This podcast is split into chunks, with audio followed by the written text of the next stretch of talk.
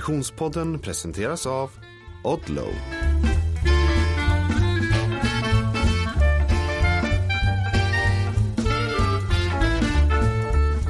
Hej och välkommen till Konditionspodden.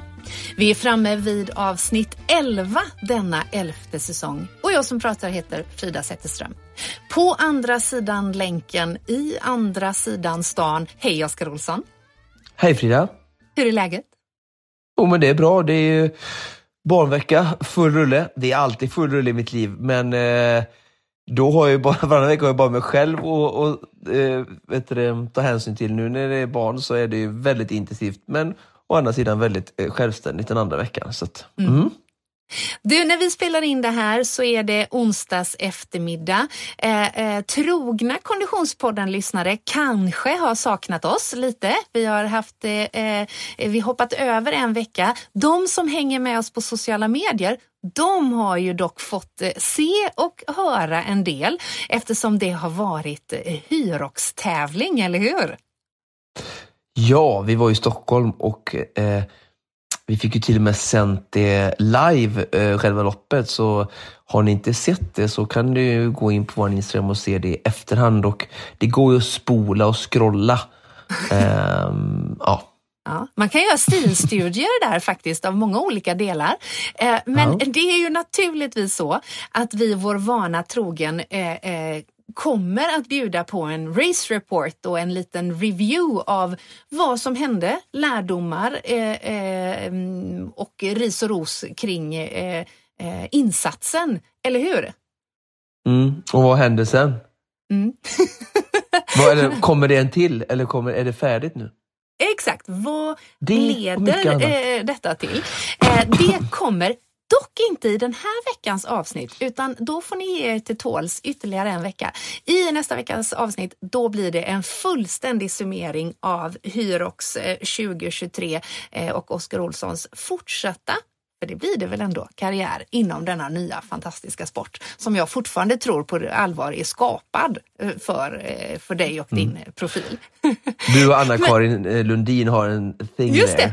Ja, ja, ja, och alla som känner dig och din eh, kapacitet. Men du, eh, eh, Oskar, visst var det så att i uppladdningen så fick du eh, lite grus i maskineriet. Du var lite sjuk. Verkligen. Mm. Jag brukar väl inte vara sjuk så ofta ju, men jag jag vet inte, nu när alla har varit så sjuka så mycket, jag hävdar att jag var en av de bland de första. Vi skulle ha ett eh, läger med längdskidspecialisten där i mitten av november var det väl, eh, 17 18 någonting. Eh, och jag fick eh, hoppa över det eh, för att eh, ja, jag blev, eh, fick feber och blev sjuk. Eh, så jag hade faktiskt sex dagar, tror jag, minst sex dagar. Det var noll minuter av träning och jag var riktigt eh, febrig i början, två dagar. Och sen blev jag bara sådär, liksom, jag var bara sjuk. Alltså, ja, hals och, och ja, liksom absolut så jag kände att eh, jag kan inte träna liksom. Men eh, ja, eh, ja, jag låg inte sängliggande på något sätt så. Men eh, samtidigt var det väl ändå lite skönt så här nu i efterhand att, att stökat av det då, för nu känner jag mig väldigt bra och, och eh, immun höll jag på att säga. Och eh, jag trodde att det var att jag hade kört lite hårt och det kanske var en kombination, men det var väl säkert när jag fick någonting som, som gick kanske. Eh, ja, och min son han hade också såklart som alla andra barn haft lite sjukdomar den här hösten. Så att, eh, ja, nej, det var inte optimal uppladdning. Eh, jag fick liksom inte riktigt gjort de här passen jag ville och ja, det kom lite sådär, men det hör ju livet till. Mm. Hemma hos mig så har eh, eh, två av fyra eh, hostat i typ fyra veckor eh, eh och eh, eh det har satt eh, våran så här, familjeträning på paus. Eh, och jag började fundera på just det där. Kan man träna när man är sjuk eller? Och jag tänker, vi ställer den frågan till rätt person. Så vi tar helt enkelt experthjälp och säger hej och välkommen till Konditionspodden, Björn Englund. Tjena, hej. Hur är läget? Eh, tack, bra. Eh, lite sådär vintertrött, men eh, eh, kommit massa snö här på Öland. Jag gillar mer barmark, men eh, annars är det bra. Okej, okay. men du är inte förkyld? Jag är, nej, jag är jätte, jättefrisk. Eh, peppa, peppa, ta, ta i trä sådär. Alltså det är ju en fras man inte hör så många yttra så här i början av december. Jag är jättefrisk. Eller hur? Ja. ja. Men jag har, vi har inga barn. Det kan okay. vara därför. Ja. Men om vi börjar i den änden Björn, för du är ju med eh, i det här avsnittet i egenskap av läkare. Eh, du skulle också kunna vara med i egenskap av eh, eh mång, eh, månghövdad vinnare av eh, Ö till Ö i, som swimrun-profil. Men nu är det som läkare. Om vi börjar i änden att det känns som att alla är sjuka nu. Är vi mer sjuka vid den här tiden på året, eller? Ja, det är vi. Och varför är vi det? Eh, man vet inte exakt varför, men framförallt är det ju för att vi är mer inomhus och vi sprider smitta mera mellan oss. Uh. Eh, det, det är den enkla förklaringen. Har det alltid varit så att vi liksom är mer sjuka på vintern? Ja, i modern tid är det så. Ja. Mm när vi mm. tränger ihop oss, eh, liksom många personer på liten yta, eh, så smittar vi varandra mer. Mm. Eh, Sen är det så jag har... alltså, ja, förlåt, eh, alltså, eh, kylan har ingenting med, med att man blir sjuk att göra. Eh, utan det, det, är att vi, vi smittar varandra mer. Många tänker så här att ja, men det är så kallt ute och så blir man förkyld. Men, men det har ingenting med att man blir sjuk att göra. Okej. Okay. Hur, eh, jag tänker på, det känns som, alltså jag har, har varit eh, engagerad i olika typer av event eh, den senaste tiden och det känns som massa olika företag eh, kämpar med eh, sjukfrånvaro och får svårt att få ihop det. Och håller på att planera ett julbord nu för, för jobbet och liksom, hela Lisebergs personal verkar vara sjuka. Eh, hur, det känns som att november, december 2023 är folk mer sjuka än förra året. Eh, eh, det känns extra mycket sjukfall. Är min upp, det är bara en känsla jag har när jag pratar med människor. Men har, har du någon statistik eller hör, har du hört någonting om det? Eh, nej, jag vet inte om det är någon variation. Eh, alltså, det, det, så kan det vara från år till år att vissa typer av infektioner som återkommer varje år. Eh, tidigare år har det ju alltid varit influensan man har pratat om. När kommer liksom influensan och pucken på influensan? Och den brukar ju vara ja, men så här, kanske i november, lite senare och sen så liksom dör den ut. Men nu senare åren så har vi haft covidpucklarna också. Och eh, kanske så att, för det har varit jättemycket covid nu som har cirkulerat. Eh, mm. Vi tror det i alla fall. Det är ju, mm. Nu har vi ju gått ifrån det här att man testar så intensivt för om man har corona eller inte. Utan man kanske gissar att man har det. Men det, ja, om man mm. har det eller inte är svårt att veta för att vi provtar inte i samma utsträckning som förut. Men så, om vi, mis, vi misstänker att det är covid i alla fall och den pucken har nog kommit lite tidigare än förra året. Vet du det, det, det är ju min uppfattning, eller min eh, snack som jag, det lilla jag har hört också utanför Liksom, jag har inte varit inne i läkarkåren på det sättet, utan bara från gemene man. Men vad, eh, den här typen av eh, covid som ändå verkar ha varit en liten släng av den här hösten, eh, har det varit några andra typer av... Eh, har, den, först, har den hetat någonting särskilt? Och eh, Har det varit liksom typ något namn som omikron? Och sen har den haft några andra symptom, typ eh, Alltså, eller kännetecken, typ att det här har varit mer feber eller mer hosta eller mer snuva eller mer ont i halsen eller du fattar vad jag menar, ledvärk mm. eller? Den har säkert fått något här krångligt namn som inte jag kommer ihåg. Äh, äh, äh. årets mutation sådär, eh, av ja. viruset. Eh, sen är det väl så att generellt sett om man tittar på populationsnivå så ser vi ju att coviden år efter år har gett lite mildare symptom, alltså mer lik en vanlig traditionell virusförkylning. Eh, mm. och det ser vi väl också att vi, vi, vi blir sjuka, men vi kanske inte blir lika intensivt sjuka som vi har blivit av coviden tidigare år. Men det är ju på populationsnivå. Mm. Vi ser fortfarande individer som, alltså gamla och sköra framförallt, som blir rejält dåliga. Och vissa unga friska också för den delen, som drabbas hårt eh, på individnivå. Men på, på liksom den stora populationsnivån, då, eh, då blir vi inte lika sjuka längre av coviden. Och det är ju tack vare, ja framförallt att vi, vi vaccinerar så pass mycket nu. Mm. Eh, och vi har ett välfungerande vaccinationsprogram mot det. Eh, och sen så eh, på något sätt lär ju liksom kroppen och våra immunförsvar att hantera återkommande virusinfektioner. Det är ju alltid liksom första gången vi drabbas av ett nytt virus, då blir vi jättesjuka. Och sen så lär vi våra immunförsvar att tackla det där på ett bättre sätt. Mm. Jag tänker att eh, en av anledningarna, Oskar, till att du upplever att halva Lisebergs eh, personal och många andra eh, företag har mycket sjukfrånvaro kan väl, Björn, vara att vi kanske också har ändrat vårt beteende lite grann i att hålla oss hemma när vi faktiskt har en infektion baserat på att vi under hela pandemiperioden eh, blev drillade i det? Ja, visst. Eh, och, eh, alltså det var ju enorma restriktioner i början och det mm. var jättebra att det var.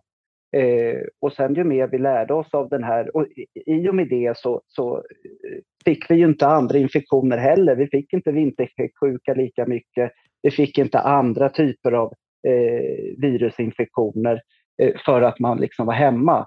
Mm. Nu eh, börjar vi återgå kanske till alltså, ungefär som det var innan coviden i hur vi förhåller oss till våra egna infektioner. Mm. Eh, och riktlinjerna är ju inte exakt lika hårda som de var då. Eh, och vi åker inte tunnelbana med munskydd och eh, ja, massa saker så som vi lever ute i samhället som, som inte är lika strikta. Eh, så att jag tror jämfört med för två år sedan så sprider vi mycket mer av de här vanliga, hedliga, gamla virustyperna mm. som vi alltid har haft. Det här är ju ett ämne som är gigantiskt och vi skulle mm. kunna prata om väldigt många av sidospår i det här. Eh, men eh, jag tänker ändå att vi ska ge oss in lite grann på eh, rubrikfrågan. Kan man träna när man är sjuk? Och om vi börjar bara rakt upp och ner där, Björn. Kan man träna när man är sjuk? Man kan träna när man är sjuk, men jag tycker inte man ska göra det. Okej. Okay. Och det beror på massa olika orsaker. Eh, om jag, om jag, och nu pratar jag utifrån, du sa ju det i början här, nu är det ju Björn i rollen som läkare, inte som tidigare idrottare som pratar. Och jag har full förståelse för att man när man liksom tränar och tävlar på en hög nivå, att man, det, det är frustrerande att bli sjuk och särskilt om man blir sjuk ofta. Eh, men som doktor, när man har sett man har sett resultatet av vad som kan hända om man tränar, framförallt om man tränar intensivt under pågående typer av helt vanliga luftvägsinfektioner, vilka allvarliga följder det kan få, mm. så säger jag så här, kan man träna när, eller ska man träna när man är sjuk? Säger jag nej. Mm. Mm.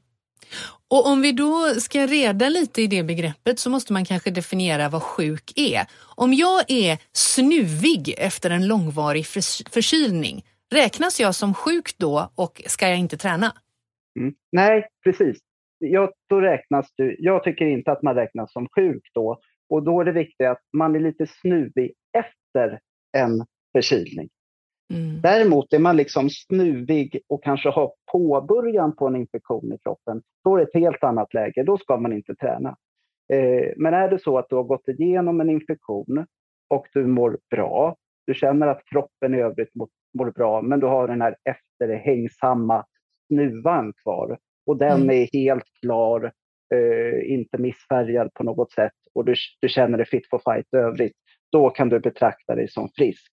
Mm. Och då får man gå och jobba och då får man gå och träna. Men jag tycker alltid att efter en infektion så ska man, man ska liksom inte börja med ett intervallpass utan man ska känna sig för då i så fall och känna hur kroppen svarar. Mm. Eh. Om jag istället för den där irriterande rinsnuvan har en kvarvarande hosta men i övrigt känner mig frisk, får jag gå och träna då? Då tycker jag inte att du ska träna om du har hosta kvar. Mm. Eh, sen vet jag att det är vissa infektioner som ger en jättelångvarigt resttillstånd i form av mer, mer så irritativ hosta. Eh, och vi har sett att eh, ja, det finns vissa virusinfektioner som kan hänga kvar i flera veckor efter. Jag förstår att det är frustrerande. Eh, men jag tycker inte att har man en hosta och framförallt har man en purulent hosta som vi säger, alltså purulent, alltså man, man producerar, det kommer upp slem när man hostar, då ska man inte träna. Nej. Mm. Mm. Om vi förflyttar oss i, ur sjukdomsförloppet till andra änden, det vill säga början, när man inte vet om man kommer att bli sjuk ännu. Vilka symptom ska man vara extra vaksam på eh, om man har ett eh, inplanerat träningspass? Man känner sig lite kymig. Man är lite osäker på om det bara är symptomatiskt och man själv kanske framkallar den där känslan för att det är mörkt och december och man inte egentligen är så sugen på intervallpasset. Men man kanske tror att man kanske har någon form av infektion i kroppen. Vad är det jag ska vara vaksam på? Ja, och om vi pratar om förkylningar, eh, tänker jag, då mm. är det, och, och, det där är ju jättelurigt, för vem har inte inför typ ett, en stor tävling eller något bara gått runt och känt kanske har jag lite ont i halsen och man inbillar sig verkligen. Exakt. Eh, jätteintressant fenomen och jag drabbades jämt av det också. Eh, men eh, och i virusinfektioner, eh, vilket framförallt förkylningar är, det är ju virus. De kan ju börja på lite olika sätt, men oftast är det ju att det börjar någonstans i de övre luftvägarna och då är det snuva, det är ont i halsen eh, eller, och eller lite sådär småirritativ hosta. Eh, mm. vissa kan ju få en huvudvärk också, att det börjar med det. Men ofta ser det de övre luftvägarna. Och är det så att man känner att ja, men det, det börjar täppa på lite i näsan eller att jag känner någonting strävt i halsen eller att nu börjar jag småhosta lite här. Då tycker inte jag, då, då är det början på en infektion med största sannolikhet. Och då mm. ska man avvakta med att träna eh, och se hur det utvecklas. Det kanske är så att man bara inbillade sig och sen man, mår man bra dagen efter. Men jag hade inte rekommenderat att man liksom chansar och går och tränar med de symptomen. Och anledningen till det är det egentligen två. Det är att man, när man är början på en i början på en infektion, då är man eh, som mest smittsam. Man är egentligen som mest smittsam under den perioden när man har ganska lindriga symptom. Så att det är liksom inte schysst heller att gå till ett gym eller till simhallen eller träna i grupp och så där och man ligger tätt intill varandra och kör löpintervaller eller något sånt där. För, för att du sprider mycket virus då.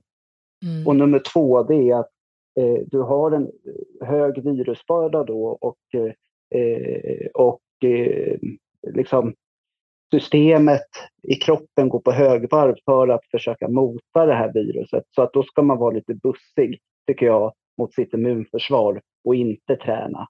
Och så får man se hur man mår dagen efter. Och vad är det egentligen som kan hända om man tränar? Om man inte lyssnar på Björn Englund och Konditionspodden av någon oförglömlig anledning. Eh, eh, jag, jag faktiskt bryta in där och så jag dra en anekdot, för det är en väldigt, väldigt bra frågeställning. Och jag tycker det är lite kul, först funderade jag på om jag skulle dra det efter vi hade haft eh, Björn här med. Men det är såklart eh, roligt att höra hans kommentar på detta, för jag tänker att han också hört flera av den här typen av exempel.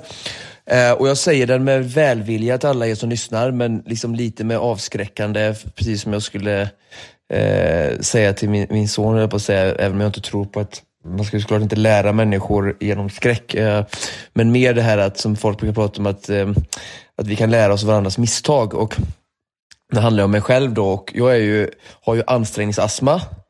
Ehm, och jag ådrog mig den i väldigt kalla förhållanden, precis som eh, många av våra svenska skidåkare har gjort, eh, och även norska, eh, eftersom de använder väldigt mycket omdiskuterad astmamedicin. Enligt mig då i många fall säkert väldigt skäligt, ehm, även om hela övriga världen tror att de bara fuskar. Eh, men som astmatiker så har jag lite annan ingång och förståelse såklart. Men eh, försöker göra det här kort. Jag var eh, 24 år gammal ungefär. Det var 2009. Eh, jag var uppe vid Sälen ehm, en vinter och åkte slalom med massa kompisar. Där vi festade och, och sådär på kvällarna och jag hade inte åkt längdskidor på, på, sen jag var liten med mina föräldrar och eh, fick låna min pappas styvfarsas skidor från liksom 90-talet, gamla grejer och, och liksom, jag har åkt ju aldrig några skidor men älskade själva fenomenet av att vara i fjällmiljö och åka längdskidor. Så jag gick upp 6.30 varje morgon när de andra låg och sov och eh, åkte typ en och en halv, två timmar. Det var 20-22 minus, typ standard eh, det, här, eh, det här året uppe i Sälen under nyår. Och eh, jag hade en liten infektion på vägen upp. Eh, jag kände mig lite så här halvrisig, men jag var ju 24 år och odödlig såklart.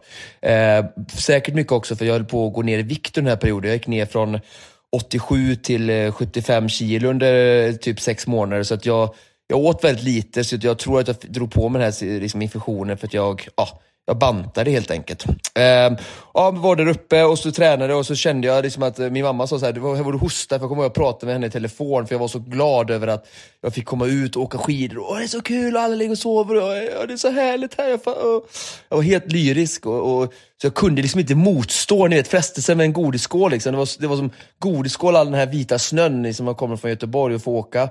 Och sen så var det liksom eh, slalom hela backen och sen var det ett pass till eh, innan vi skulle ut på krogen. Så var vi ute på krogen och man sov lite och sen åkte skidor igen och jag kände, jag hostade, gula slämpluppar och sådär. Liksom. Kom tillbaka, eller, och sen då, sista dagen då vi skulle åka hem så, så fick jag sån influensa. Så jag har haft influensa flera gånger i mitt eh, snart 40-åriga liv. Men det här är liksom överlägset. Om de andra har varit tuffa så har den här varit liksom tre gånger värre. Och de fick lyfta i mig i bilen, jag kunde inte köra min egen bil hem från Sälen. Jag var helt utslagen. Blev frisk från influensan, eh, gick tillbaka och tränade hemma i Allingsås där jag bodde då, eller Göteborg. Eh, innan jag åkte till eh, det här så tränade jag jättemycket på att simma under vattnet.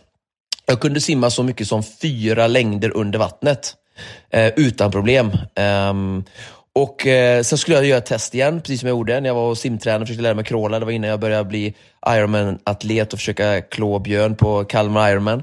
Eh, och eh, så helt plötsligt kunde jag inte ens simma en längd. Och jag fattar ingenting. Det är som att vakna upp en morgon och inte kunna gå. Och du bara såhär, va? Vad, vad händer? Och så var det till slut efter många om och tips och, i familjen så att du får ju gå och testa dig då liksom, hos läkare och sådär. Och de direkt gjorde en sån här spirotomi eh, och kollade min lungkapacitet och sådär och såg direkt liksom, att du har utvecklat eh, ansträngningsastma. Liksom. Det är bara medicinering direkt och bara det hela programmet och massa undersökningar sen. Och, ja, sen dess har jag träffat säkert 10-15 olika eh, astmaexperter genom åren och ja, lärt mig så jättemycket och sådär. Så att jag ådrog mig, eh, eh, jag har ju liksom ingen stat, eh, jag kan ju inte säga det här per 100% men liksom med all den forskningen jag har läst och med alla de situationer vi har bland skidåkare som har just då tränat såklart som de vill. De jagar OS-toppen, höll jag på att säga, och framgång och allting. Och kanske liksom såklart struntar och känner efter lite extra och, och tänker att det går nog, jag är inte så sjuk. Och så, ja, så är det inte, tänker jag, en slump att vi har överrepresenterade ansträngningsastma bland skidåkare. Ehm, så det här var lite dyster, men förhoppningsvis någon eh, som ändå kan liksom, ja, avskräcka lite och just ta det här som Björn säger på allvar med, med välmening och kärlek från min sida. Mm, vad säger du Björn, är det troligt att eh, Oskars eh, eh ansträngningsastma faktiskt utvecklades där i, i Sälen när 24-åringen skulle träna med infektion i kroppen? Alltså, eh, jag, jag, vet faktiskt inte. Det kan, det kan absolut vara så att, det var, och det, när du berättar Oskar, så var det ju vid den tidpunkten den startade i alla fall, alltså att den blev så symptomgivande för dig så att den liksom blev sjuklig. Eh, sen om den hade kommit smygande lite där, eh, där innan och så, det är jättesvårt att säga, men det är en mm. tydlig startpunkt på att du liksom fick en tydlig försämring i dina eh, luftvägar. Mm. Eh, och jag minns ju, kommer ihåg uh, ute swimrun där Oskar. Vad mm. var vilket år du... 2014 när du fick uh, astmaattack. ja. du, och du vet ju att jag har presterat, jag kan prestera. Du vet ju, du var med i Öloppet något år senare, det var, jag tror det var 2014 där du, du tänker på, Lelle försökte mm. ge mig brickan ny längs med loppet. Och, eh, så det är ganska ironiskt liksom att 2015, du vet ju hur stark jag var på Öloppet och sen ja hade vi kört en tävling, liksom, jag var ungefär i samma fysisk förmåga och så ser man vad som händer med, med en människa som får ja. astma. Liksom. Mm. Men eh, vad skulle du säga Björn, förutom då situationen som Oskar eh, målande beskriver och som vi som lyssnar och, och, och, är aktiva i Konditionspodden känner till, det är ju ett, verkligen en begränsning för dig idag, ansträngningsastman som då eh, troligtvis eh, utvecklades eh, på grund av, av detta. Ehm, eller åtminstone förloppet påskyndades. Förutom det Björn, vad skulle du säga, vad är det som kan hända om man tränar när man har någonting i kroppen? Mm. Och, eh, det, det, det, vanligaste som händer det är ju att man förlänger perioden som man är sjuk. Man stressar kroppen och immunförsvaret kan inte jobba lika bra som det skulle kunna om du vilade. Så att du förlänger din infektionsperiod. Eh, och det må ju vara hänt och det är ju inte hela världen. Eh, men det, det allvarliga som kan hända, vilket inte är helt ovanligt att det gör, det är att man drabbas av något som heter hjärtmuskelinflammation. Man kan också få något som heter hjärtsäcksinflammation eller så kan man, om man har maximal otur, få båda två. Det spelar inte så mycket roll eh, vilket av dem man får, men då får man helt enkelt virus. Man får en infektion i själva hjärtat eh, och hjärtats muskel eller i hjärtsäcken. Och det kan vara jätteallvarligt. Eh, och eh, det är framförallt unga personer som får det.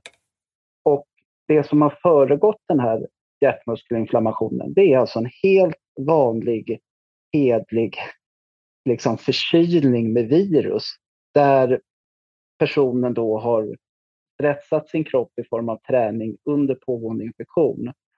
Eh, och är det så att man får hjärtmuskelinflammation, då är konvalescensen ganska lång efter det.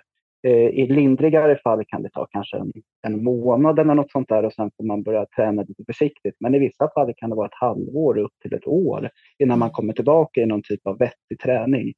Och när mm. man har sett det, att det liksom drabbar unga, i övrigt friska personer, så då får man jättestor respekt för just att träna under en pågående infektion. Mm, mm. Ja, det, är, eh, eh, det känns, vi kommer inte avsluta det här samtalet on a happy note, så enkelt är det. vi får helt enkelt avsluta det med, med respekt för kunskapen, eller hur Oskar? Absolut, eh, nej.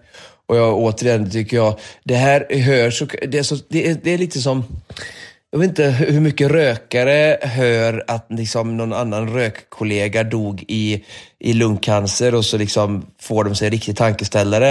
Eh, och det är samma sak det här med hjärtmuskelförmåga. Jag vet inte, många kanske inte har så många exempel men jag vill ändå liksom i så fall då härleda till det här med just liksom skidlandslagen eh, och hur stort det är utvecklat just med ansträngningsastma och ja, många där då berättar om just träning under infektioner och sådär verkligen tar det på allvar och se, försöka leta efter liksom exempel. För jag tror att det farliga är ju att när, vi, när inte människor har någonting att relatera till och inte ser det så som Björn då, som upplever sitt yrke. Om inte vi kan se eller se några tydliga exempel så, så är det svårt att verkligen så här, ja, du vet, ja, ta det på allvar på något sätt tror jag. Liksom, är inte mm. så att folk misstror Björn, men, men när det kommer väldigt nära, då blir det nog bara mycket enklare mm. att kanske verkligen ta till sig det och faktiskt efterleva det själv. Så att, mm. ja, jag vet inte, ut och leta efter några, några exempel som, som får er att liksom verkligen lyssna till er kropp och ta det på allvar. Mm. Och, och, och gör så här, använd förkylningen till något bra då massa år på liksom, gör sådana där saker man ändå aldrig har tid för när man är inne i liksom, ett intensiv träningsperiod. Utnyttja det till lite lågintensiv, eller verkligen betoning på lågintensiv. Excentriska tåhävningar kan man få göra, Björn. Ja, det är godkänt. Alla som har gubb, gubb, gubbvad och liksom hälsena. Liksom. Yes. Mm. Det är Stretching så vanligt. och tåhävningar. Ja. Mycket bra. Och avslutningsvis då Björn, vi inledde ju med att höra att du är kärnfrisk. Eh, du tillhör den en procenten av Sveriges befolkning som är det här nu i början av december. Om du skulle skicka med några eh, stalltips för att Konditionspoddens lyssnare ska hålla sig kärnfriska, eh, vad, vad blir det för, för tips då? Ja, men det är så här supertråkigt, men det är absolut bästa tipset. Tvätta era händer tvätta händerna och har ni barn och så, se till att de också tvättar händerna när ni har kommit hem eh, och varit på stan eller kommit hem från förskola och så där. God handhygien. Det får inte bli liksom helt absurd handhygien. Men tvätta händerna när ni har kommit hem utifrån. Det är mitt bästa tips. Det... här att vi inte har kontanter längre, det måste vara skitbra Björn. Ja, faktiskt. Det har inte jag tänkt på, men det kanske är en... det, är det, måste, det var ju jättemycket bakterier, tänker jag. ja, det är bra. Ja, toppen. Eh, Björn Englund, eh, läkare på Öland, eh, också ett eh, eh konditionsfenomen och eh, eh, eh, flerfaldig mästare av Ö till Ö. Tack så hemskt mycket för att du återigen gästade Konditionspodden och gav oss lite eh, eh läkarmässig kunskap om kan man träna när man är sjuk? Det enkla svaret är nej, gör inte det. Ja, alltså det, det, är inte utan att man tänker att vi, vi får göra fler avsnitt med Björn Englund, Oskar. Ja, extremt eh, poddvänlig och, och likeable pedagogisk eh, och harmonisk att lyssna på. Mm. Mm. Och kloka Verkligen. ord såklart. Ja, verkligen och också väldigt konkret. Ibland så tenderar ju eh, människor med väldigt eh, mycket akademisk kunskap eh, att vilja sätta eh, parenteser och eh, förbehåll kring mycket av det de säger för att man mm. vet att det finns två sidor av alla mynt och så vidare. Det tycker jag att Björn Englund väldigt föredömligt så här, sa ja eller nej, höger eller vänster, fram eller tillbaka på många frågor. Mm, väldigt befriande och jag tror mycket av det ligger i att Björn just har en sån gedigen äh, det, alltså historia och bakgrund mm. som just äh, elitsatsande atlet med, med, framgång. Så att, äh, han har verkligen liksom, ja, den mänskliga biten med sig in i detta och vet hur, hur det är i, i verkliga situationer och sådär. Är inte bara en akademiker som han såklart har blivit på, på äldre dagar. Mm. Eh, och, och, vi har ju eh, som sagt eh, nämnt att han är en, en eh, eh framstående eh, swimrun-atlet. Va, vad är hans historia? I, i han, han, har vunnit swimrun, eller Ö till Ö, flera gånger. Mm. Mm. mm. Tre gånger. Och har jag gjort också väldigt eh, några framgångsrika lopp. Eh, som jag sa i intervjun så hade vi några bataljer eh, på, på Ironman eh, i distansen i Kalmar, det var ju vårt stora mål för oss båda eh, länge. Ehm, han sprang med FK-studenterna och gjort några snabba maraton som, som, som löpare och så löparen som blev triatlet och sen då triatleten som sålde cykeln som så många andra och eh, hittade swimrun. Så att, eh, skulle nog säga att löpning med FK-studenterna blev väldigt snabb där, använde sin löpning um, och förde över det in i triathlon och var alltid, jag hade alltid bland de bästa maratontiderna på, på Ironman. Um, och, och sprang ikapp många, mig inräknade där uh, efter cyklingen och uh, sen då uh, för, förde över simningen och löpningen till swimrun och hade en väldigt framgångsrik karriär där i många år med Paul Kroschak som jag också tävlat med och jag har ju tävlat med Björn också. Ehm, innan han la swimrun-skorna på, på hyllan 2016. Eh, jag skulle säga att 2015 gjorde han sin sista liksom, eh, satsning där och sen 2016 eh, sen har han gjort lite mindre tävlingar och sen satsat på löpning och sådär. Men mm. efter 2015-16 så tror jag inte han har gjort så mycket sådär hård satsning utan det har varit fokus på, på yrket som läkare. Mm. Ja, och det är många lärdomar vi tar med oss från dagens avsnitt. Eh, eh, bland annat så eh, tänker jag att det enkla svaret på frågan eh, kan man träna när man är sjuk? Det är nej. Eh, det man ska leta efter i symptomväg är eh, att man eh, möjligtvis kan träna om man bara har rinnsnuva kvar eller snuva som inte eh, visar indikationer på infektion i kroppen eh, en annan lärdom som jag tar med mig är att vara extra uppmärksam på när man befinner sig i början av en eventuell infektion och, eh, eller förkylning. Dels för att man då är mer smittsam mot sin omgivning men också för att det är en mer aktiv infektion i, i kroppen. Eh, och att det, det faktiskt finns en, en, en fara eh, eh, som man inte ska förringa. Och när du drar igång, att tänka på att dra igång lugnt och lyssna in kroppen och eh, eh, bara säga det liksom att när du kommer tillbaka från en infektion så är du ju ändå så inte 100% och då är det bättre ändå liksom automatiskt att köra ett lugnt pass för att eh, är du inte 100% åtställd så kommer liksom ett hårt pass aldrig liksom ge den effekten som är syftet med ett sånt eh, typ av hårt pass. Så det är ju bara slöseri med pengar, eller på att säga. Men liksom, um, så kom tillbaka lugnt efter infektion då. Mm. Även om det kanske var svårt att hålla i bromsen eftersom att du säkert har vilat flera dagar och muskulärt är kroppen säkert väldigt återhämtad. Och då är det väldigt lätt att liksom, trycka på för du känner dig väldigt stark för du you're not coming in with muscle fatigue i, i mm. passet liksom, som, som man gör kanske i en vanlig träningsvecka så kan det vara lättare att hålla igen lite ibland för att man, man är redan lite halvsliten muskulärt som sagt. Mm och eh, eh, utnyttja tiden då man eventuellt eh, är förkyld eller har en infektion till annat, såsom stretching, vad sa vi, tåhävningar. Eh, Helt och, riktigt. Gubbvard och problem med hälsenorna är ju det vanligaste och folk hatar ju prehab. Folk hatar prehab och folk hatar att vara skadade. Det ja. går inte riktigt ihop. Så utnyttja, du som lyssnar på Konditionspodden, eventuellt med en förkylning i kroppen, upp på tå med dig bara. Upp på tå med Mm. dig. Var sjuk lite oftare, tvätta händerna lite mindre så kanske du hinner få göra mer rehab. Just det. Avslutningen var ju, hur håller vi oss friska? Enligt Björn Englund, då är det att tvätta händerna som gäller.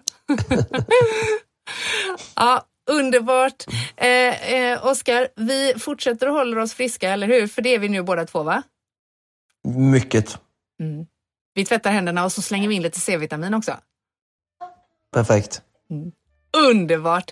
Detta, kära Konditionspodden-lyssnare, var allt vi hade att bjuda på för den här veckan. Precis som vanligt produceras Konditionspodden av Fredag. Connect Brands with People.